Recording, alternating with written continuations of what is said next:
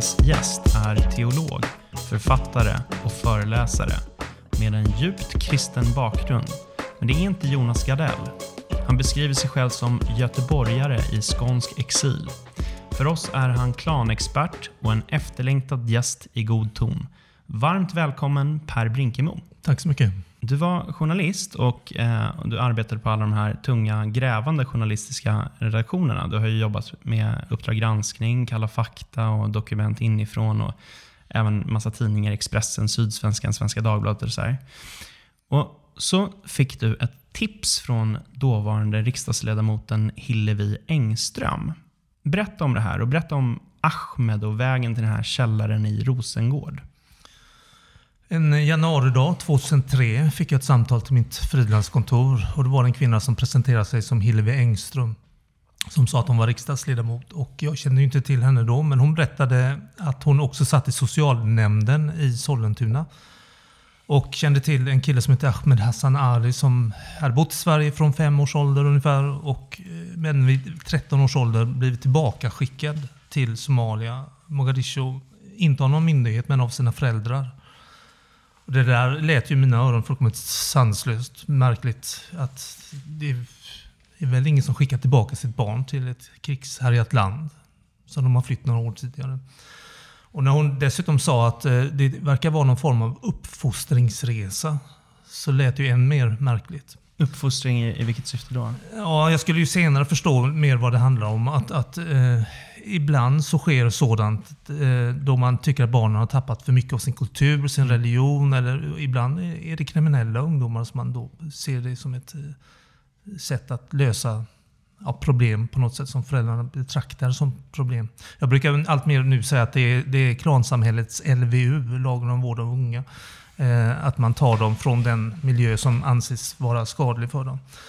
Eh, men hur som helst, hon skickade sen handlingar eh, kring det här fallet och i det kuvertet så låg ett 12 sidor långt handskrivet brev av den här killen som jag läste och grät mig igenom.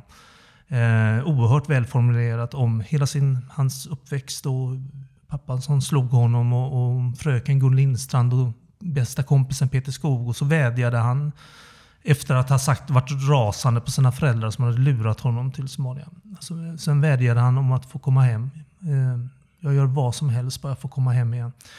Jag hittade honom sen per telefon via svenska ambassaden i Addis Abeba. För han hade tagit sig dit, en 200 mil lång resa. eh, och intervjuade honom, skrev om honom i Svenska Dagbladet. Och eh, det var en enorm läsarreaktion. Alltså folk var otroligt engagerade. Det var en studentska här i Stockholm, eh, Lena Önner, startade en insamling, fick in 8000 kronor mm. Eh, som skickades ner via ambassaden till honom. Och, folk ville adoptera honom och, så vidare. Men viktigast av allt var då att socialnämndens ordförande ringde till mig och sa att det här är pinsamt för oss. Vi borde ha agerat. För de hade nämligen känt till hans situation i tio månader utan att någon gång kontakta honom. Mm -hmm. eh, Hur kommer det sig? Varför kontaktade de honom? Men jag tror det, vid den tidpunkten så såg man det som att ja, men det är utländska barn och de föräldrarna får väl göra vad de vill. Och när det debatterades i riksdagen här så minns jag Jan och Karlsson sa att det rör sig trots allt om ett litet antal barn. Eh, mm. Ungefär som lite svinn får man räkna med. Men då eh, sa han att eh, det är ingen ursäkt, men en förklaring är att vi har för mycket att göra på socialtjänsten. Det är klart killen ska hem, nu kör vi så det ryker, sa han. Och då fråntog man föräldrarna vårdnadsansvaret genom en, ett domstolsbeslut, tillsatte en god man som kunde skriva under en passansökan som var själva haken i hans situation. För mamman som hade åkt ner med honom hade tagit passet ifrån honom. Och han kunde inte på egen hand ansöka om eget pass. För han är minderårig? För han var minderårig. Den passlagen, detta är min stora journalistiska mm. bedrift om jag får skryta. Eh, den passlagen ändrades efter mycket bråk med Morgan Johansson bland annat. Eh, då skrev debattartiklar och det var Uppdrag granskning och allt möjligt. Så från den 1 juli 2006 finns det en lag som att man får ett tillfälligt pass när man är i den situationen. För det visar mm. sig att Ahmed var inte ensam om det här då. Men eh, hur som helst, ja, eh, han kunde då efter två år och en månad resa tillbaka och jag mötte honom på Arlanda för att skriva en välkommen hem-artikel med en fotograf. Och då är det massor med folk där. Alltså klasskamrater, hans fröken Gun Lindstrand. Det är en judisk läkare som står med en blomsterkvast. Det är liksom eh, vanliga människor, en kommitté som mötte honom. Eh, och eh, där fick jag någon minut med honom för han skulle iväg då med två socialsekreterare för att, eh, för, till ett jourhem i väntan på utredning vad som skulle ske. Och då fick jag en kort stund med honom och ställa frågan Hur mår du? Hur känns det? Ja. Och bra, sa han. Och så ville han träffa mig dagen efter. Och vi träffades på T-centralen. Eh, och vi fikade och killen kröp in under huden på mig på ett sätt som jag nog aldrig varit med om. Visade sig vara en fantastiskt fin kille.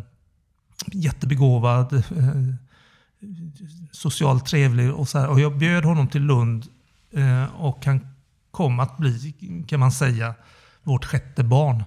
En självklar del i familjen, men inte formellt. Han är inte adopterad. Han bor idag utanför Lund och vi har ju fortfarande kontakt. Han har bott hos oss mycket tidigare. Då. Men det var startskottet för mig. För om jag kom att påverka hans konkreta livssituation där och då så kom liksom mötet med honom att förändra väldigt mycket. För jag började inse att jag vet inte ett skit om de länder varifrån människor kommer som asylsökande. Eh, och jag förstod inte vad det här med uppfostringsresor var. Så jag började göra reportage om sånt här och i Uppdrag granskning och, och så vidare. Och det ledde till att jag, när han gifte sig 2009 eh, på ett, med en somalisk tjej på ett traditionellt somaliskt bröllop var jag med som hans svenska pappa. Och då träffade jag folk som hade en förening och jag var jättemisstänksam mot föreningen för jag hade precis innan dess gjort en reportage om eh, föreningar som söker pengar på de här kodorden rasism, eller antirasism, eh, jämställdhet, Mm. eh, ja, ni vet allt det där. Eh, eh, och, eh, men som i själva verket gjorde något annat. Eh, men den här föreningen, de ville integration och jag blev drabbad av dem och jag började söka pengar åt föreningen och sen så småningom slutade jag som journalist och jobbade tillsammans med fantastiska somaliska kollegor som ville guida sina landsmän in i det svenska samhället. Vad gjorde du där då? Vad var din funktion i den föreningen? Eh, första halvåret så undrade jag själv vad jag gjorde där för att det handlade om att navigera. Det var mycket som inte fungerade som jag var van vid. Eh, men eh, till en början var det ju då att jag sökte pengar, jag började intervjua föräldrar om föräldraskap här och vi det, det skulle så småningom leda till föräldrautbildningar. I, I Sverige säger man ju ofta så här, ja i Sverige slår vi inte våra barn. Men hur gör man istället då? Det var liksom ingen annan som säger det. Vi var ju en gång i tiden på 70-talet och årtiondena innan uppfostrade av staten kring alternativa uppfostringsmetoder. Och eh, när, eftersom vi inte fick aga våra barn. Eh, Men vi säger oftast bara det. Till, det, alltså det är ett jätteskifte att komma från att en stor släkt tar hand om ett barn. Och nu sitter man uppe i en lägenhet i en liten låda och där man förväntas vara jämställd och hjälpas åt och man ska vabba och man ska mm, inte slå sina barn. Och, ja. Så att det ledde till eh, bland annat det. Och sen jobbar vi med ett ungdomsprojekt eh, där vi träffade dig Hanif. Mm. Från, från Rosengård till Rosenbad. För att öppna dörrar upp till, eller till Sverige. För att visa att vi, det här är the land of opportunity. Ta chansen. Liksom. Vi satte folk i kontakt. Och vi var på Rosenbad flera gånger och det fortsätter det här projektet. Jag kommer ihåg, det var, det var, det var ganska länge sedan, sju år sedan. Ja, något sånt. Mm. Eh, Där det var ett liksom... Jag försökte ge lite handgripliga tips i hur man skulle engagera sig. Liksom. Du var väldigt bra. Kan jag Ja, säga. Jag tack. Tack rös mycket. när jag satt och lyssnade på dig då. Ja, men kul. Mm. Nej men ehm, det... det jag, jag tror problemet i, i stor utsträckning när man... Så, det du pekar på, man pratar väldigt ofta om hur man inte ska göra. Mm. Och det finns ju en stark poäng i att också kommunicera. Men det är väldigt svårt att enas om vad man bör göra. Det är väldigt mycket lättare att enas om vad man inte bör göra. Det är samma sak. Det är väldigt svårt för svenskar att definiera vad som är svenskt. Men det är inte så svårt att definiera vad som inte är svenskt. Alltså, vi kan ju enas om att liksom, ja, sushi och eh, thaiboxning liksom inte är pursvenska eh, fenomen. Men det är svårare att enas tillsammans om vad som är ett svenskt fenomen. Så är det. Och jag, men jag, jag, jag drar alltid när jag föreläser paralleller med hur det gick till när den här lagen, till exempel om mot aga kom. Den var ju förberedd sedan Alva Myrdal och framåt och det var diskussioner om socialtjänstlagen skulle tränga in i Mm. familjerna. Eh, och när lagen kom så sa man inte så på... Och det, det, här är ju en rolig grej. Då hade man ju, staten hade en fördel med att det bara fanns en tv-kanal. Då På 60-talet så kom två kanaler. Och där fanns det ett tv-program som hette Anslagstavlan. Som var fem minuter långt och som alla kollade på för det var tecknat och det var nytt på den tiden. Eh, och det, men vad ingen tänkte egentligen på var ju, det här var ju bara det var samhällsinformation från staten kring trafikfrågor och allting. Och när det kom till denna lagen så sa man ju inte bara från den 1 januari eh, 1979 får du inte slå ditt barn. Utan det var ett komma där. Vill du hitta alternativa uppfostringsmetoder, kontakta din hem och skolaförening som det hette på den tiden och så vidare. Till och med mjölkpaketen användes som informationskanal från, från staten. Det stod alltså på mjölkpaketen alternativ till smisk och dask. Och nu när folk kommer till Sverige så säger vi bara du får inte slå ditt barn. Punkt. Men om man är socialiserad in i det, vilket de flesta folk på jorden är och vi också var, men vi, det här är ju inte natur, det är ju kultur. Och vi har glömt vår egen resa. Men det är ganska intressant. Så även, även innan det, alltså innan man tog den lagen. Man pratar ju om, oftast om den lagen som den stora normbildaren. Alltså ett sätt för staten att bilda. Fast det stora skiftet skedde ju faktiskt innan man tog den lagen. Nämligen normerna förändrades i Sverige. Och sen så tog man faktiskt lagen. Och det, det här är ju en sjukt viktig poäng. Därför att om normen inte redan var förändrad så hade man den 2 januari 1979 varit tvungen, eller mer eller mindre fått sätta en stor del av befolkningen i fängelse för att de misshandlade sina barn. Det var redan på plats i stort. Exakt.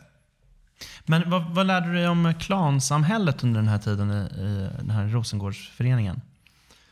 Det, det, det var ju de, många av de som berättade för mina kollegor. Jag hade ju naturligtvis hört ord reklam, men jag fattade inte vad det var. Jag tänkte mest på Clash of Clans eller Avatar eller sådana filmer. Eh, men det, blev så uppenbart att här var folk som i princip inte hade en dags erfarenhet av myndighetsutövning. Och så kommer de till oss. Vilka, vad är vi kända för? Eh, och att jag förstod mer och mer att, att det är ju sättet man organiserar sig i samhällen där det inte finns en stat. Eller där staten är så dysfunktionell att den saknar legitimitet. Man är rädd för staten, man håller sig undan från den. Då behövs familjen, och med familj är en jättesläkt mycket större än vad vi tänker på. Eh, för att eh, utgöra en ersättning. Och därför vilket jag skriver om i mitt eh, bidrag i eh, en nyutkommen antologi, Klanen, så är klanen därför både en social, ekonomisk, politisk och en juridisk enhet. Alltså en prototypen till stat, men organiserat kring primärt blodslinjer. Väldigt många av de fenomen som dyker upp i, i debatten känner man ju till lite i och med Ja, men man har varit uppvuxen med invandrarföräldrar och uppvuxen med andra invandrare i invandrartäta områden. Men just när det kommer till klaner, så det, där drar jag blankt alltså. Kan ingenting om det. Och det var ju det som var ganska ehm, slående när jag, när jag... För här var det plötsligt ett del av invandrar-Sverige jag inte kände till överhuvudtaget. Och då är jag tämligen insatt.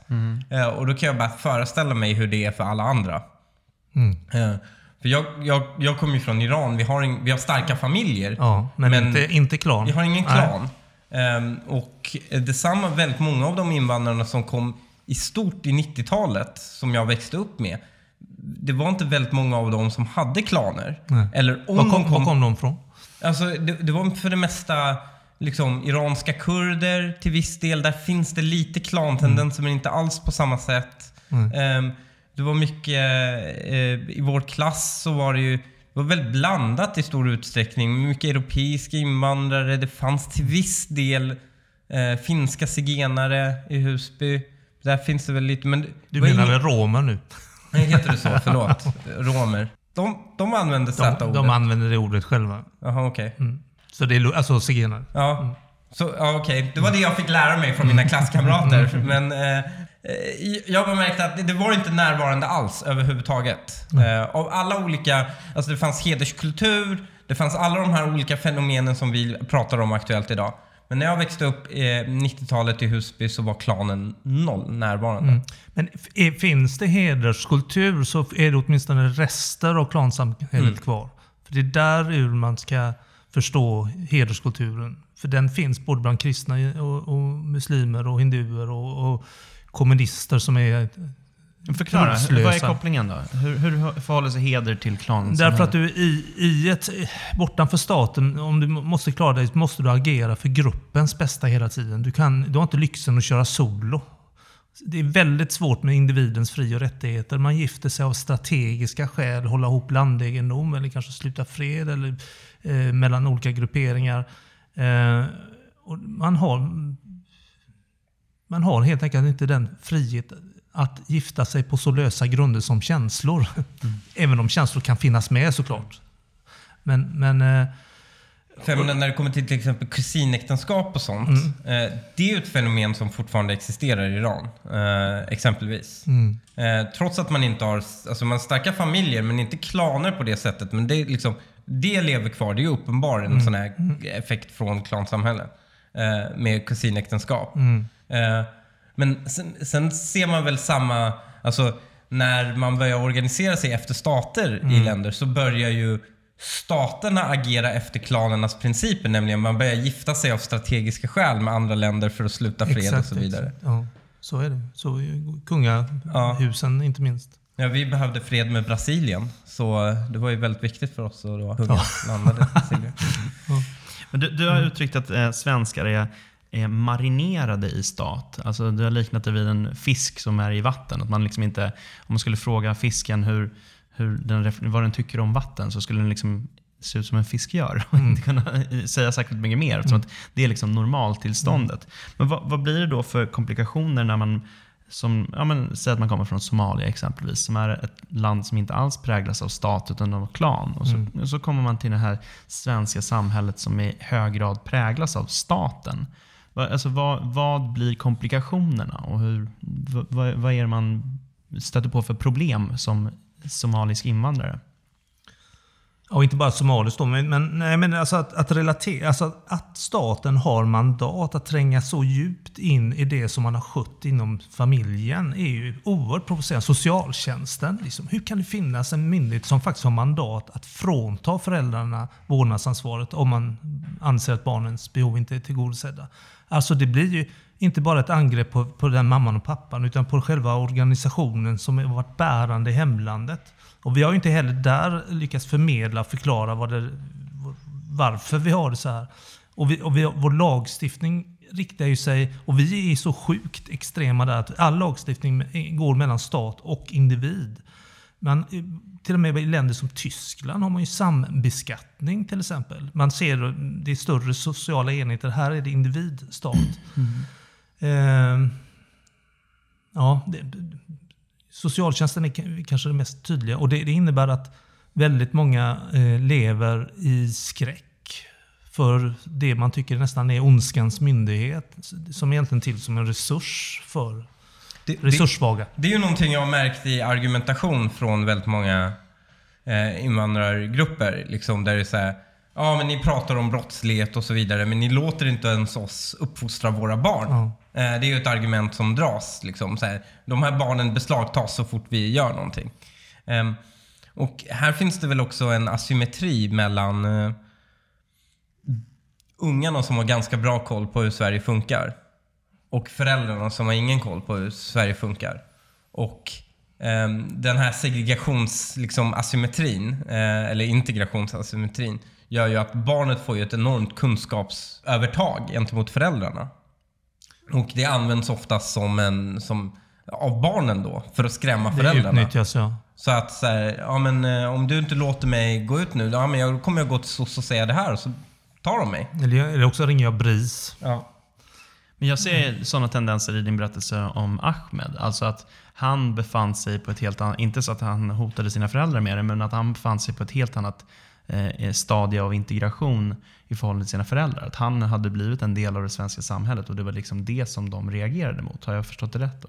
Ja, och det var enormt. Men han brukar ofta säga om den här Peter att han kommer ju från en normal familj. Ja. Och, och han var ju förhindrad att umgås med kompisarna på fritiden för att han inte skulle bli allt för försvenskad. Så att säga. Mm. Men apropå det du sa Hanif, så, så är ju det, eh, barnen utnyttjar det här läget och då, samtidigt då skräcken hos föräldrarna för socialtjänsten, men också att vi inte tillhandahållit i tillräckligt hög grad alternativa uppfostringsmetoder. Det, alltså sånt tar ju tid att lära Mm. sig. Jag menar, min pappa blev slagen av min farfar. Så var det ju på den tiden. Pappa gjorde aldrig någonting mot mig och mina syskon. Och än mindre jag mot mina barn. Eh, alltså det, det, det är någonting man ska socialiseras och lära sig fungera i. Alltså ett, ett nytt sätt att se på saker. Men hur gör man det? Jag menar, om vi då är marinerade i vår myndighetsvärldsbild så, så, så formulerar vi det genom anslagstavlan exempelvis. Men hur, hur kommunicerar man det på ett lämpligt sätt till människor som kommer från klansamhällen? Nej, men det, det är ju sitta ner och prata, diskutera. Eh, vad gäller här hur, och hur gör vi? Det är inte bara så att vi släpper våra barn fritt hejvilt. Det stämmer inte den fördom som ofta förekommer bland vissa grupper att svenskar super med sina barn och de eh, är sexuellt lössläppta och vi släpper dem vind för våg. Det stämmer ju inte. Uh, ja. Men vem, vem är jag då att sätta mig ner? Alltså förstår jag vad jag menar? Alltså att, hur tränger man igenom den här liksom barriären som ändå finns? Jag menar, jag tillhör ingen klan. Varför ska de lyssna på mig? Är det inte så det fungerar? Att, alltså, i, I slutändan så blir det något slags... Du har beskrivit att klansystemet är hierark, eh, inte är hierarkiskt utan det är ganska platta konstruktioner. Mm. Men samtidigt så blir det ju relevant vem som säger vad. Alltså om det är en person från en klan, eller alltså att det är någon form av trovärdig person i deras kontext, så lyssnar man väl lite extra än om det är en random dude som kommer liksom lite med anslagstavlan-budskap. Och det är väl för att vi släppte det från början. Alltså vi bara tog för givet att hela, alla människor på jorden är svenskar med svenska erfarenheter. Och de, man smittas liksom av luften här och, och börjar bli och agera som vi. Hade vi från början haft, för det fanns ju liksom inte ens samhällsinformation på 90-talet. Eh, det fanns ju in, in, ingenting. Eh, utan man förväntades Svensken trodde bara att, att det, det löser sig så att säga. Och då fick ju många av de här grupperna som var tillräckligt stora för att kunna någorlunda hålla sin struktur intakt. Där fick vissa personer en väldigt nyckelroll. Och nu får man ju använda sig av de som är kloka. Och det där är ju Somalilandföreningen där jag jobbar ett, ett typexempel. De lyssnar ju på dem. För de har knäckt koden så att säga på egen hand. Och, och eh, bedriver samhällsinformation till till befolkningen eller till, till sitt folk. Hur starkt är klanens överlevnadegrad hos andra generationer märker du? Tror du att den kommer överleva generationsbytet här i Sverige? Jag vet inte, för det finns ju inget historiskt exempel på invandring från den typen av länder till en väl, välfärdsstat. Så vi Ja. vet ju inte. Ja, redan idag så ser vi att det börjar lösas upp, men den övergången är också farlig. För, för jag tror, och det finns ingen forskning på det här, men jag tror själv att, och jag har sagt det här när jag pratar för åklagare, polis och andra, att, att det är en, en dålig eller en bristande övergång från klan till stat som leder till de, eh, den gängkriminalitet vi har i Sverige. Att man löper amok mellan båda systemen. Familjen har tappat greppet om barnen, och de, men de har heller inte hamnat i statens trygga famn, om man säger så. Har ingen eh, respekt alls för polisen. Det här är, för, det, för det är ju någonting, det, det man kallar det för f- det, det franska liksom, effekten. Nämligen att i vissa områden så är brottsligheten bland andra generationens invandrare långt högre än första generationens invandrare. Alltså är de normerna du, dina föräldrar bär långt mer sundare. Även om de är sämre än de normerna som till exempel finns i Sverige. Så är de långt sundare än de normer, den normlösheten du växer upp med på gatan egentligen. Eller hur? Eh, och, och det är väl typ den effekten man har i väldigt många utanförskaps och, och utsatta områden. Nämligen, det är ju någon så här hybridkultur som utvecklas Exakt. med delvis den, här, den svenska jag har rätt att göra vad fan jag vill, eh, anti-auktoritära och sen en blandning av amerikansk gettokultur eh, och en blandning av hederskultur från Mellanöstern. Eh, och, och det bara blandas ihop och blir den liksom värsta kombinationen du kan tänka dig. Ja, jag, jag tror att du har rätt. Eh, alltså det finns ju inte på kartan i ett intakt klansamhälle.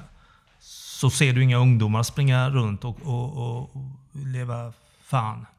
Eh, det skulle aldrig hända då under Kadaffis tid i Tripoli eller, eller i, under Saddam Hussein i Bagdad eller i Mogadishu eller så. Eh, därför att där är den sociala kontrollen så stark och respekten för äldre och för, för det befintliga väldigt, väldigt stark. Och du fostras in i det. Men den, den bristande övergång från det systemet in till våra system jag tror det är det vi ser effekten av. Men det illustrerar ju lite det du säger från början. Alltså att, jag menar, att det är ett slags substitut till stat. Alltså mm. jag menar, och om, om det inte heller det substitutet finns, då finns ju ingenting. Då blir det någon slags anarki. Ja. Men hur, kan du berätta någonting om hur det funkar med eh, det här eh, med eh, rättsväsendet? Alltså blodspeng och sånt där. Berätta, vad, vad är det för någonting? Men all, alla samhällen behöver, rätt, behöver en lag, så att säga, eller en rättsskipningsmetod. Och, och man måste alltid lösa konflikter på ett eller annat sätt om det inte finns en stat eller man, inte, man litar inte på staten för den är så korrupt, då försöker man att lösa eh, konflikter mellan de stridande parterna. Och då kommer återigen kollektivet in i, i bilden. Den här typen av lagar kallas, samlingsnamnet är ju sed, en sedvanerätt, alltså en förstatlig lag. Eh, och, eh, och den går ut på att eh, att inte vara straffande men kompenserande. Man betalar blodspengar, alltså en kompensation, för att återställa balansen eller rättvisan. Och det fungerar i principen öga för öga, tand för tand så att säga. Eh, om blodspengar inte betalas ut, eh, då har man rätt till blodshämnd. Och det är en princip som har gällt eh, även i Norden en gång i tiden och vi ser den i delar av Albanien, Kosovo. Eh, som Marcus Weiner säger i vår bok Klanen, eller han har skrivit om det i en annan bok som heter The Rule of the Clan, att blodshämnden har genom historien setts som ett verktyg i den rättsliga verktygslådan. Alla fruktar den och därför gör man allt för att komma överens. Det är mer av en försoningsteknik. Och det tragiska är att vi har fått in det i Sverige. Tilliten till rättsstaten är för låg och man löser eh, en del, långt från alla såklart. Men eh, chefsåklagare har slagit larm om det, om att nu ser vi eh, parallella domstolar där man betalar blodspengar. Och så tog Per Andersson, chefsåklagare i Malmö, exempel för något år sedan att eh, en skjutning av en kille, som, det var ett misslyckat mordförsök, eh, ledde till en polisanmälan som drogs tillbaka och istället så betalade den familj vars son hade skjutit 500 000 kronor. Och det inser vem som helst att 500 000, det är inte många kärnfamiljer som har, kan punga upp så mycket pengar. Utan då får man ju dra in folk och det kan ju vara transnationella medlemmar så att säga, i andra länder som bidrar med en liten summa för att inte riskera att någon i familjen eh, råkar illa ut. Jag, jag tycker det här påminner mig lite om jag kommer ihåg att jag läste för länge sedan att på Island så har de det här alltinget där det var tänkt att man skulle lösa alla frågor mellan de här klanfamiljerna. Mm. Och Sen så hade de en regel så att det som inte löses i alltinget, alltinget det löses vid spjutets spets. Så då liksom fightas man annars. Liksom. Ja. Eh, men då har ju de liksom gått därifrån till den liksom statliga, eh, stat, alltså statsorienterade samhället mm. helt enkelt. Med norsk hjälp. De klarar inte det själva. Men då, Var det norrmännen som ja. det? Ja. Men då är det frågan alltså, är det den naturliga gången? Är klan ett förstadie till stat eller är det parallellt utvecklade fenomen? Förstår du vad jag menar? Ja, men det, det, det, det ska nog ses globalt och historiskt sett att det är förstadiet. Alltså, det, det var så man primärt kring, kring, kring, stora släkter som man byggde samhällen. Är det jägar-samlar-samhällen? Alltså, ja, är det, typ så långt snarare, tillbaka? Nej, ja, det vågar inte jag svara ja. på för att vi, vi var nog så få då, människor på jorden. Så att, men, men eh, när det blev lite större och, och jordbrukssamhällen och så, här, så eller, inte minst lever du i nomadsamhällen, det är ju väldigt, väldigt typiskt. Men Eh, Eh, det, det, är liksom förstadiet innan, innan man bygger en större gemenskap kring en stat, en nationalstat. Så att säga. Men sen kan ju då klan också leva parallellt med en stat. Eh, Saddam Hussein är ett jättetydligt exempel. Han, han var ju Baath-partist och de socialist mot klanerna. Hårt mot klanerna. Men han, det var så starka krafter, han var tvungen att spela på klan. Så han flyttade ju många av sina släktingar in till nyckelpositioner i provinshuvudstäderna, in till Bagdad. och förhandlade med klanerna och gav dem som var samarbetsvilliga eh, infrastruktur och jobb helt enkelt. Så, och det är ju inte det utpräglade klansamhället, men det är liksom klan i stat, eller blir en klanstat i någon mening. Det var väl någon kusin till honom eller någon släkting till honom som hade förrått, eh, så de lurar tillbaka honom från Jordanien. Och sen eh, också dödar honom enligt den klassiska klankulturen, nämligen du kommer dit, du utropar din familjs namn, att du ska ta ut blodshämnd och så, och så sköt de honom. Mm i hans hem. Liksom. Okay. Och det var också på det sättet att det var inte bara att de gick dit och bara avrättade honom utan han fick en chans att försvara sig själv också. Mm -hmm. Enligt liksom, rätt sed. Liksom. Så, så uppenbarligen så...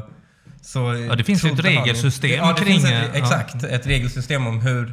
När du ska utkräva blodshämnden, hur är det procedur, hur ser proceduren ut? Liksom? I Albanien, det skriver Rika Svarts om i boken, där, där sitter ju en kille, första meningen i hans kapitel är att jag möter en ung man i nystryken vit skjorta som sitter i en, i en soffa och väntar på att bli mördad.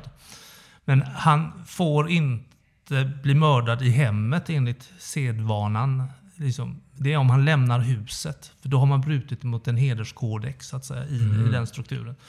Men eh, hela texten slutar med att eh, två år eller något år efter att han lämnade den här killen, Rickard, så, så sköts han mycket riktigt. Mm. Eller, mm. eller om det var han knivmördades eller vad det var. För att han hade lämnat huset och då var han tillgänglig.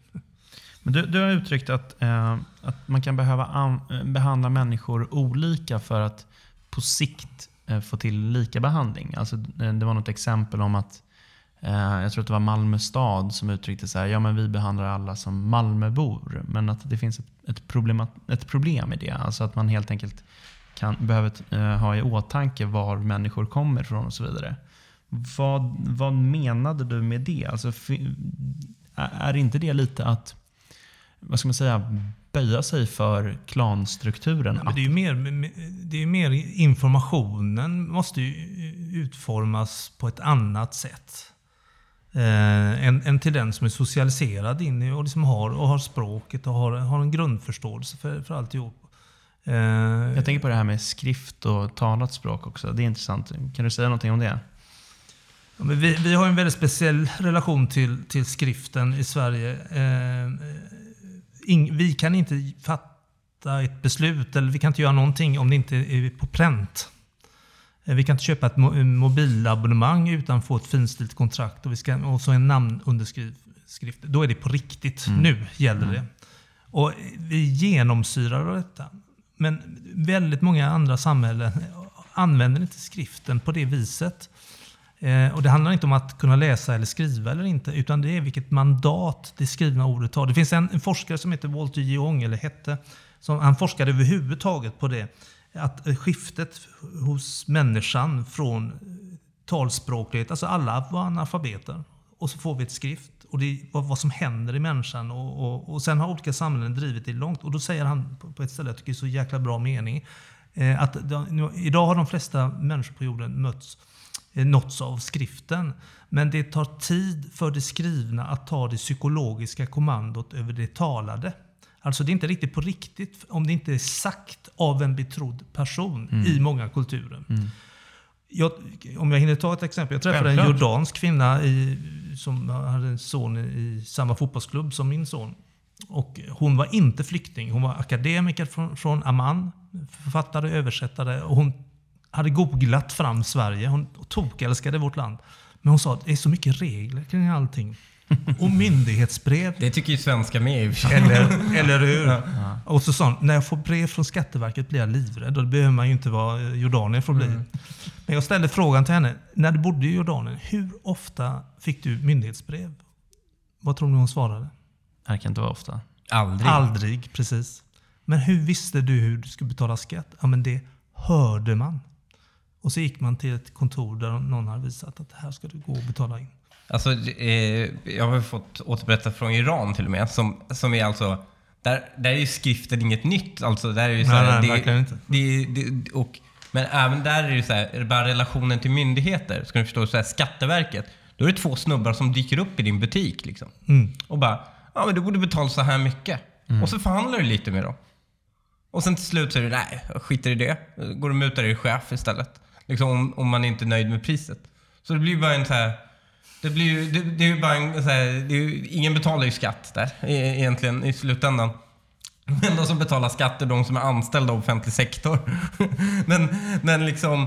Eh, det, där är ju också, det, är det finns inga tydliga regler egentligen i hur du ska betala skatt och så vidare. Och så ser faktiskt de flesta samhällen ut. Och det, det brukar jag säga ofta att, att, att, att vad som kännetecknar ett, ett, land som Sverige är att det är lagbundet. Det sa ju redan Magnus Ladulås att land ska med lag byggas. Och vi har en oerhört hög tillit, även om man kan muttra och knyta handen i fickan. Så, så mm. vi, vi i stort, lagen har legitimitet, vi följer den och vi brukar till och med skämta om det. In Sweden we have a system mm. liksom, som löser allting. Det är utkorporerat eller till, outsourcat till staten.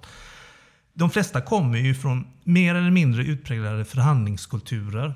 Och jag, alltså jag hör Försäkringskassans chefer berätta för mig att, att Eh, Eh, vi kan få in en man från till exempel Irak som eh, ansöker om ekonomiskt bistånd och så får han nej. Då går han till nästa handläggare och försöker. Och går till en tredje för att sen gå till avdelningschefen där och är jätteupprörd.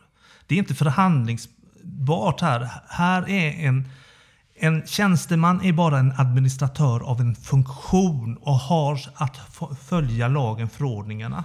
Det är inte förhandlingsbart. Men han är inte dum i huvudet. Han är bara van vid något annat. Alla på jorden är inte svenskar med svenska erfarenheter. Jag tyckte under eurokrisen blev det väldigt tydligt när folk fick reda på hur det grekiska skattesystemet funkade. Eh, det, det synliggjorde ju den stora skillnaden mm, egentligen. Mm. Mm. Hur lagbundet Sverige är och hur ett land som vi tänker oss borde vara ganska nära oss. Liksom, ja. Vi är i union med dem. Ja. Där det funkar liksom... Folk betalar inte skatt i Kreta. Det är, och sen, nej, men de, där, de, de har ingen respekt för att, ja men vadå, de, ska de i, liksom från fastlandet komma och beskatta mig? Mm. Aldrig i livet. Och till och med folk i, i, på fastlandet säger ja men det är väl en förhandling hur mycket man betalar.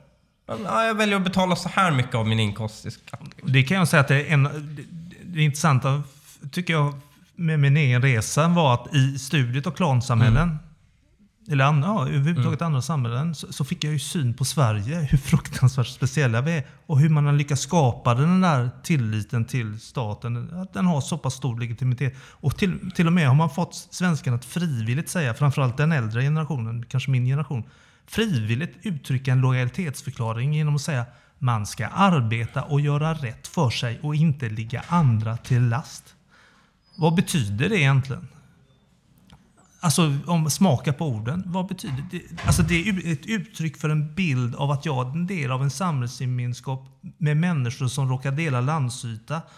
Och vi betalar in en jättestor del av, peng, av vår lön i skatt därför att vi anser att vi får någonting tillbaka för att det ändå har funkat så pass bra. Sen mm. kan man ha massa synpunkter på hur mycket mm. och allt det där. Va? Men bara hur den lojaliteten som ändå, och legitimiteten som hela systemet så länge har haft. Alltså, det, det illustreras ju av den här World Value Survey, ja. alltså där, där, man ser att vi är det mest sekulära och individualistiska landet i världen. Mm. Medan då, alltså många av de här kulturerna som vi nu beskriver befinner sig ja, men på andra sidan av diagrammet helt ja, enkelt. Men eh, jag tänker på det, det här med eh, klansamhällen. Är det liksom, finns det någon geografisk koppling till det? Eller, eller är det, vad är den minsta gemensamma nämnaren?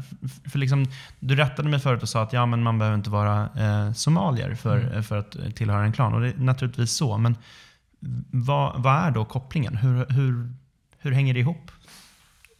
Nej, men alltså, primärt så bygger ett klansamhälle på blodsband. Om det är effektiva eller verkliga, det kan man diskutera.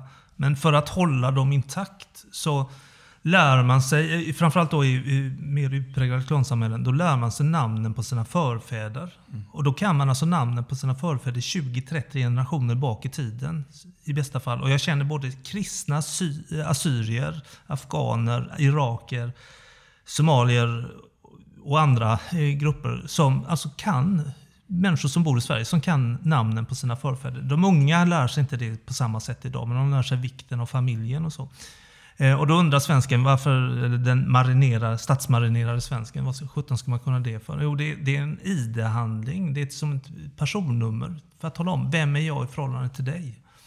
Och när man hör ihop, och speciellt om man delar anfader par generationer bort, då, då hör man extra mycket ihop så att säga.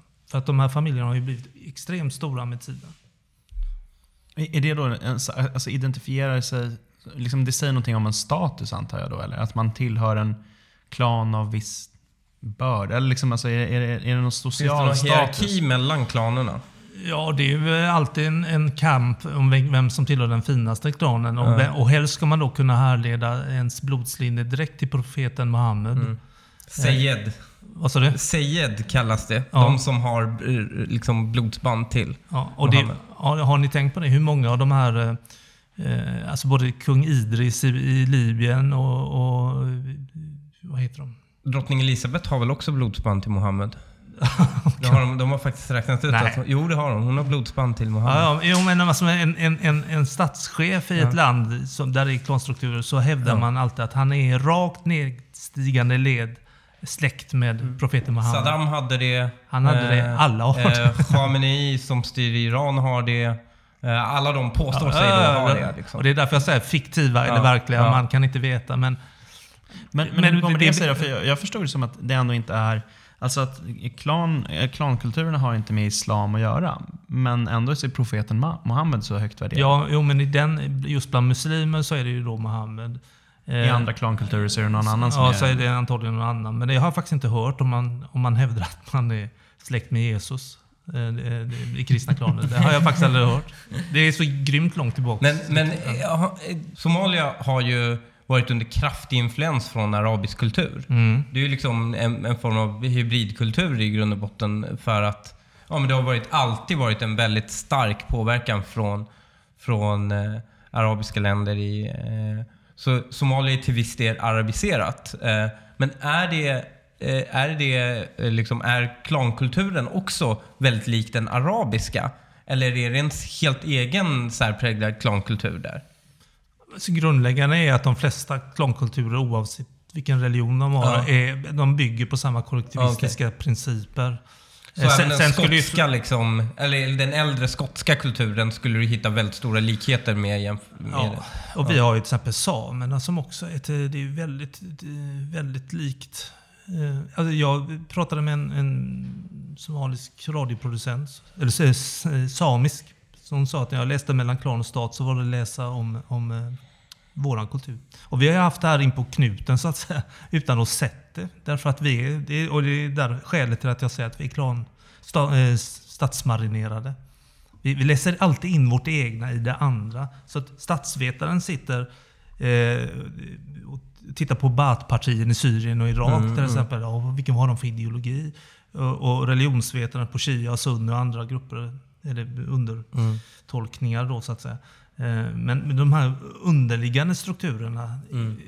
har, visats extremt lite intresse därför att man någonstans tror att alla på jorden är svenska med svenska erfarenheter. Alltså att det i stort funkar som det gör det här.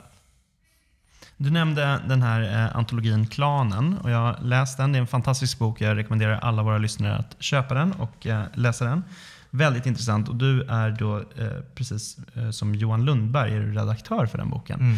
Och jag, jag tänkte att vi kan ägna några minuter åt det här, det som skedde kring Aftonbladets recensioner av denna bok. Vilken av dem? Ja, precis. För det var ju det som hände. Att det blev en, en hel uppsjö av bokrecensioner. Normalt så brukar inte en bokrecension få särskilt stor uppmärksamhet kan man ju tycka i den politiska debatten. Men det, det var, började med en recension av Cinciana Ravini som eh, skrev en väldigt uppmärksammad eh, recension. Och rubriken löd då Timbro har gett ut ännu en rasistisk bok. Och den här ändrades sen till eh, Är klanen ett hot mot staten? Och så bytte man även bilden. Och, och i papperstidningen var rubriken Mumma för eh, högerextremister. Ja. Och, alltså, vad, vad tror du? Vad är, varför landar man där? Alltså varför är det varför landar man i att det är rasism när du skriver en bok om att försöka förstå klansamhällen?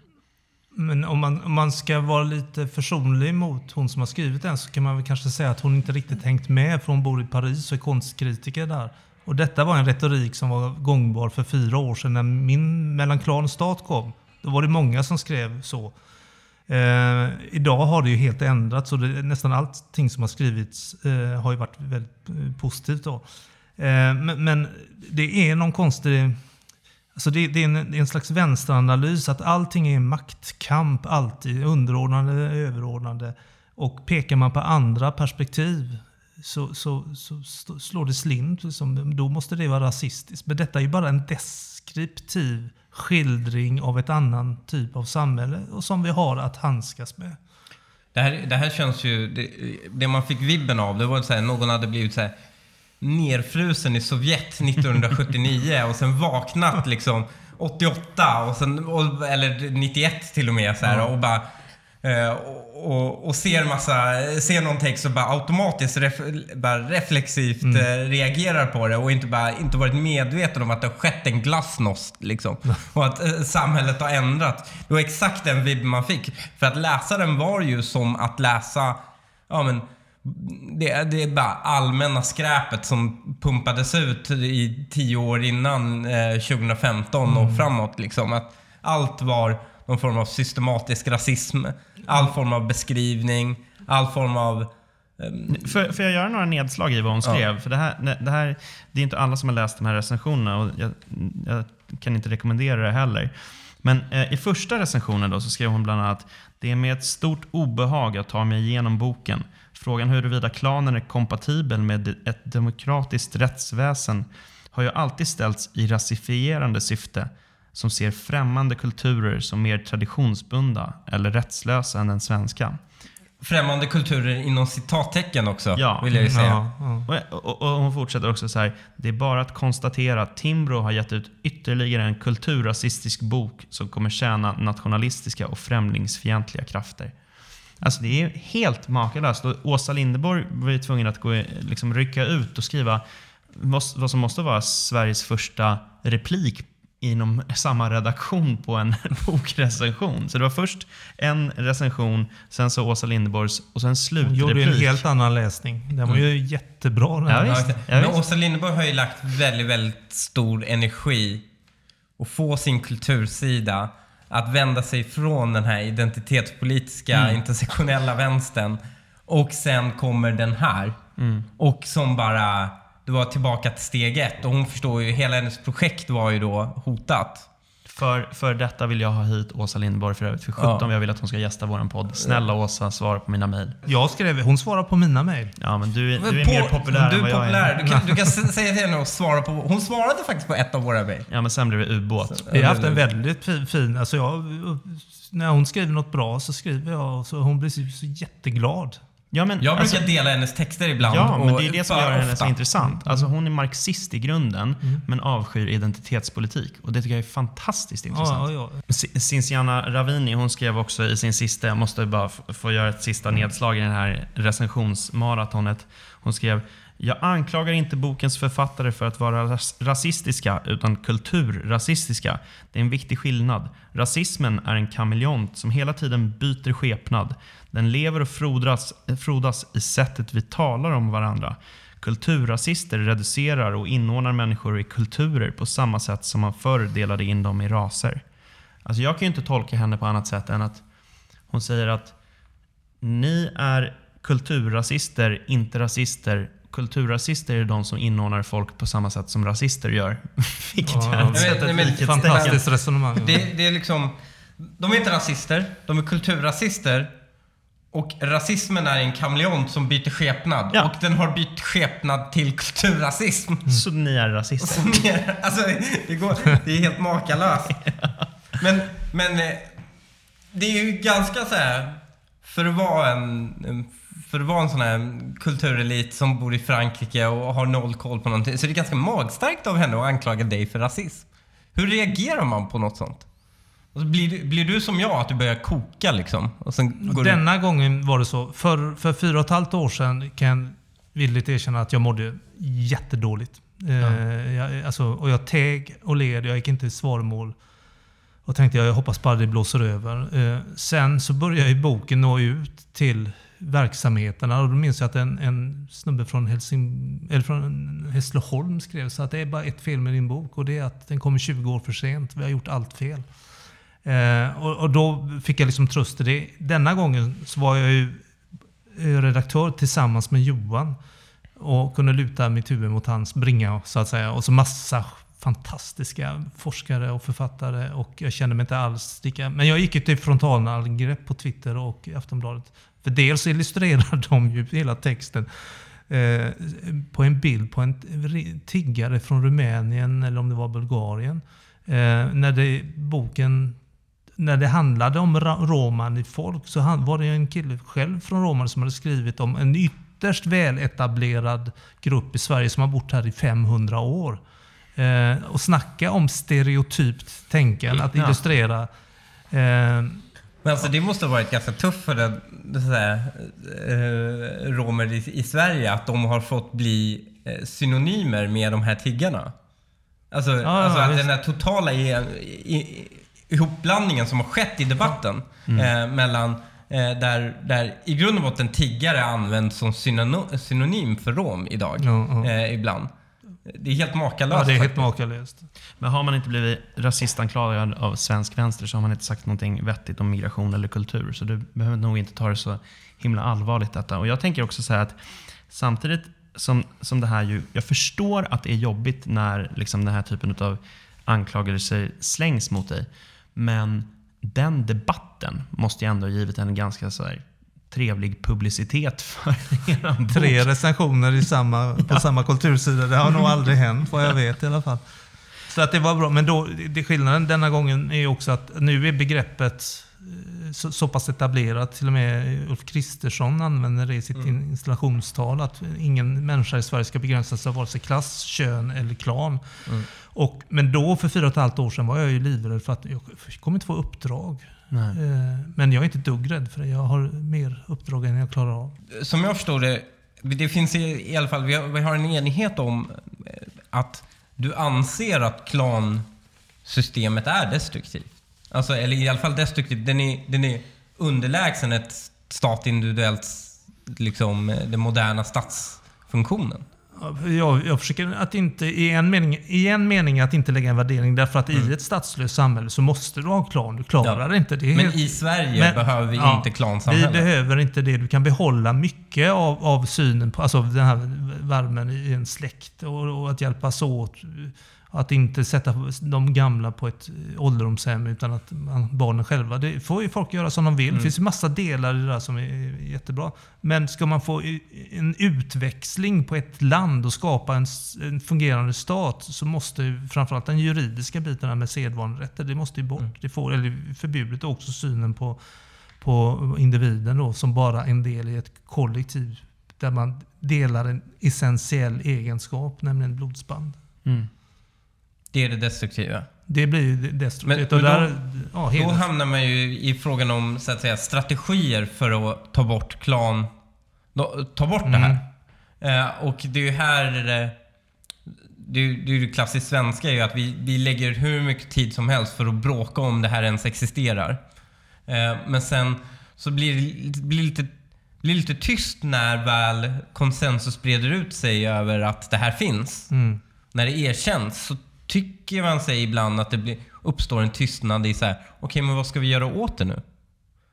Då mm. blir, då det tidigare fanns väldigt högljudda röster, blir det plötsligt eh, ganska tystare. Mm. Och det, det, gäller alla frågor egentligen som förnekas. Alltså, ta till exempel ja, tidigare på migrationsfrågan, då det förnekades att det fanns några konflikter liksom, i hur många vi tar emot och hur få. Och sen när konsensus breder ut sig att nej, men det finns en gräns på hur mycket invandring vi kan ha i Sverige. Så blir det ju ganska tyst efteråt. Det är så här, jaha, men vad gör vi nu? Mm. Ja, och det, detsamma när det kom till, ja, det förnekades länge att brottsligheten var ett accelererande problem. Och sen nu när alla är eniga om att ja, men det har ballat ur fullständigt så blir det alla de här väldigt högljudda rösterna som tidigare antingen förnekade eller propsade på blir väldigt tysta i vad ska vi göra nu? Och nu känner jag i alla fall att klan har etablerats eh, mm. och nu är alla eniga om att det här existerar. Okej, vad gör vi åt det? Eh, och då är frågan, så att säga, eh, ibland behöver man ju en opposition för att få igenom, få igenom ett budskap. Mm. Och här tycker jag i Sverige så blir det ju ett, väl när alla accepterar ett faktum så uppstår det ju ingen opposition om metodiken sen. Så det blir det helt tyst om. Så det som jag har förstått en konsensus verkar vara ett effektivt sätt att minska ner klaner eller begränsa klanerna och, och, och skapa... Det är ju att förbjuda kusinäktenskap exempelvis. Mm. Eh, och det har man ju gjort i många länder och det hade man ju till och med i Sverige ett tag också. Ja, det, det var ju ett av kyrkans, den romersk-katolska kyrkans metod för att komma åt klansamhället. Mm. Eh, Det var ju att förbjuda, då för länge sedan, Mm. eh, kusinäktenskap. Mm. Så det är kanske dags för dig att ha liksom en förnyad diskussion om det. Det har ju ko- tillkommit till exempel ganska mycket ny forskning om det här också som visar att det är nog inte så himla bra heller med kusinäktenskap för barnens skull. För att eh, det blir upp- IQ-nivån var inte så bra av det? Ja, du, du, du har ett snitttapp i IQ som är ganska stort, men där är det, så här, där är lite kausalitet och korrelation. Eh, finns det ju problem med den metoden. Men barnadödligheten är mycket, mycket högre. Alltså när man tittar på till exempel pakistanier i Norge där det här är väldigt, väldigt vanligt. Eh, ku- kusinäktenskap är väldigt vanligt i Pakistan. Så ser man en eh, nästan så här 50 gånger högre barnadödlighet. Liksom. Eh, alltså väldigt, och även i England ser man det och så vidare. Där har det varit helt tyst om om just den diskussionen. Men det är nu också ett sätt att motverka klansamhällen. Att, att förbjuda det. Men vad finns det för andra metoder för att motverka eh, klansamhällen på längre sikt?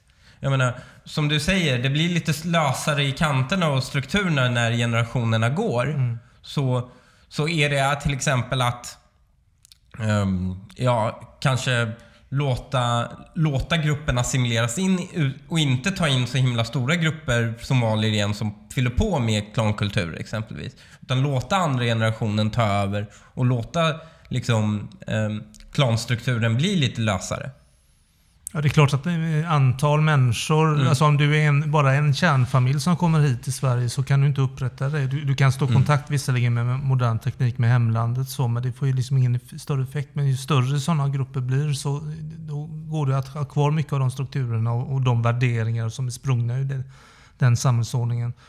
Det, det jobbiga är ju just när man kommer till den frågan, vad, vad gör vi nu då? Mm. Och jag, det, det, det enda jag brukar kunna svara är att jag, för, för, för det första är det väldigt bra att vi har samhällsinformation, men jag tror att den kan utformas med vetskap eh, om de här skillnaderna. Eh, och att den informationen ska vara obligatorisk för alla, även anhörighetsinvandrare. Eh, och över tid. För det här är inga grejer som bara sådär försvinner. Och sen tycker jag att det är självklart att vi skulle ha en, någon form av, som man i USA, man svär trohet till konstitutionen. Eh, det gör ju alla, stolt. Och du kan ändå behålla jättemycket av det du har kvar. Man har ju samhällskunskapstester och eh, engelska tester, språktester. Och, det är självklart att vi skulle ha det. Det har alla motsvarande länder, västländer. Det, det, det blir som en markör, en identitetsmarkör. Kanske ska man när man eh, utformar samhällsinformationen säga att, att här måste du, du måste, det finns ingen kompromiss om, om vilket rättsskipningssystem som ska gälla. Och här finns också möjligheten för dina barn, och de är inte förhandlingsbara, om att de får välja partner själv i framtiden. Eh, om man ska ha kontraktskrivning, jag vet inte. Det är sådana som du Hanif som får... Vi har ju förslag från Moderaternas sida när det kommer till både samhälls... Liksom, det är ett gammalt moderat förslag som finns som ett samhällskontrakt. Alltså ett faktiskt kontrakt. Eh, och, och sen finns det även förslag på språktest och eh, samhällskunskapstest för medborgarskap. Eh, sen finns det ju, jag har ju sett, eh, SD har ju motionerat om det här, men det, det, men det var ju faktiskt Danmark som var först med det. De hade ett ålders, eh, ålderskrav för anhöriginvandring på 24 år. Och det skapade möjligheterna för väldigt många att eh, bli bortgifta helt enkelt till någon från hemlandet. Mm. Eh, och det skapade möjligheter för folk att plugga och bli lite mer självständiga, få en inkomst och så vidare. Och sen eh, ställas inför det valet. Mm. Eh, och det skapade liksom förstärkte individens makt i relation till kollektivet helt enkelt. Det finns ju sådana eh, reformer man kan göra för att förstärka just individens makt i relation till, till, till klanen. Problemet idag är väl att vissa av de här strukturerna eh, har ätit sig in så mycket i det svenska att det, är väldigt svårt nu. Alltså vi, vi, är, vi ligger efter, vi är försenade, men någonstans måste man ju börja. Men, och där måste man ju slå sina kloka huvuden ihop. Och på något sätt hitta någon väg. När vi spelar in det här så är de här fredsförhandlingarna med jemeniterna på tapeten. Vad, vad finns det för klankoppling till den konflikten? Ja, väldigt stark. Väldigt... Eh, vad, vad, vad, sa du nu? Vad heter de? Hu, hu, Jemeniterna, alltså ja, eh, men hot, hotierna. hot. Då, då, går associationen så här. Det är en, en tydlig ideologi, eh, gerillakrigare som kämpar mot staten. Men de heter al-Houthi. Det är en klan. Eh, det är ett extremt klansamhälle. Sen är det ett proxykrig också. Men om man inte förstår de grundläggande, de socioekonomisk juridiska strukturerna som gäller där. Alltså jag har läst ganska mycket om Jemen just. Till exempel hur, hur man försökte då implementera en statlig lag, men den nådde aldrig någon legitimitet därför att den var precis som vi hör i förorterna, som jag hörde i Rosengård.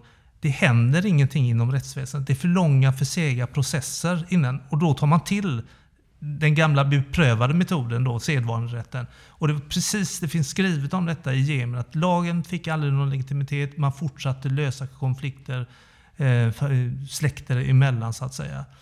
Och då får man, det är lagen som får till kittet i ett samhälle. Alltså att den har legitimitet, att man litar på att, att det är ovälda tjänstemän som löser eh, Eh, konflikter, en tredje part. Och inte, för, att, för det äter upp, om lagen appliceras så äter det upp kollektivismen.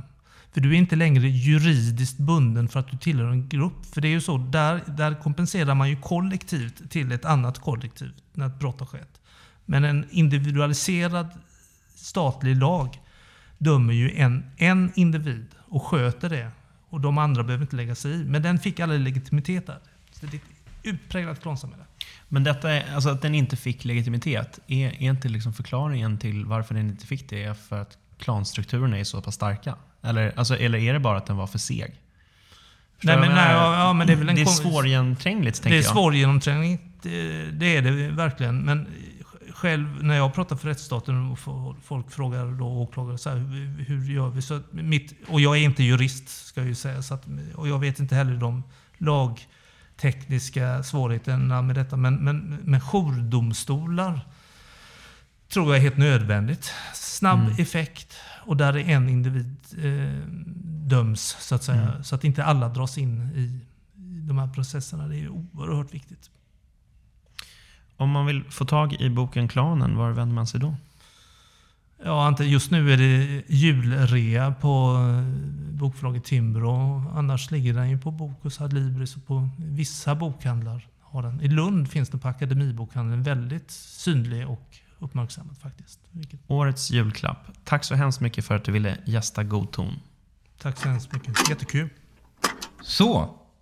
Nu är det dags att eh, göra lite som, som Sam Harris kallar det för housekeeping. Ah, vi har Patreons att tacka. Vi har Patreons att tacka och det är inte vilka Patreons som helst. Vi har ganska många Patreons att tacka. Eh, I och med att Patreon gjort om sitt system så, så blir det eh, liksom i slutet av månaden varje gång. Mm. Så Emma Jacobi, Jim Persson, Patrik Gillberg, Kristoffer Nordmark, Peter Engelsöj, Daniel Lindström, David Andersson, Tove Frykmer, Alexander Danielsson, Erik Winemark, Frida Flod, Dimitri, Katarina Knutas, Behrouz Abbasi, Joakim Söderholm, Marcus Fischer, Helene Lindqvist, Andreas Hedlöf, Martin Ejeklint, Elin Bodin och Andreas Johansson ska ha ett särskilt stort tack för Det att de har blivit... Verkligen. Och även stort tack till Per Brinkemo igen, som nu i och för sig har lämnat oss. Men fy fan vad han är intressant var att prata med. Ja, jag hoppas att ni tycker att eh, det är värt att sponsra. Några av er har... Eh, några nya har, blivit, har tagit den eh, näst högsta nivån. Eh, och då får man en custom shoutout. Då får man faktiskt höra av sig till oss vad den ska vara. Så man får gå gärna in på Patreon och skicka ett meddelande där vad ni tycker att vi borde säga.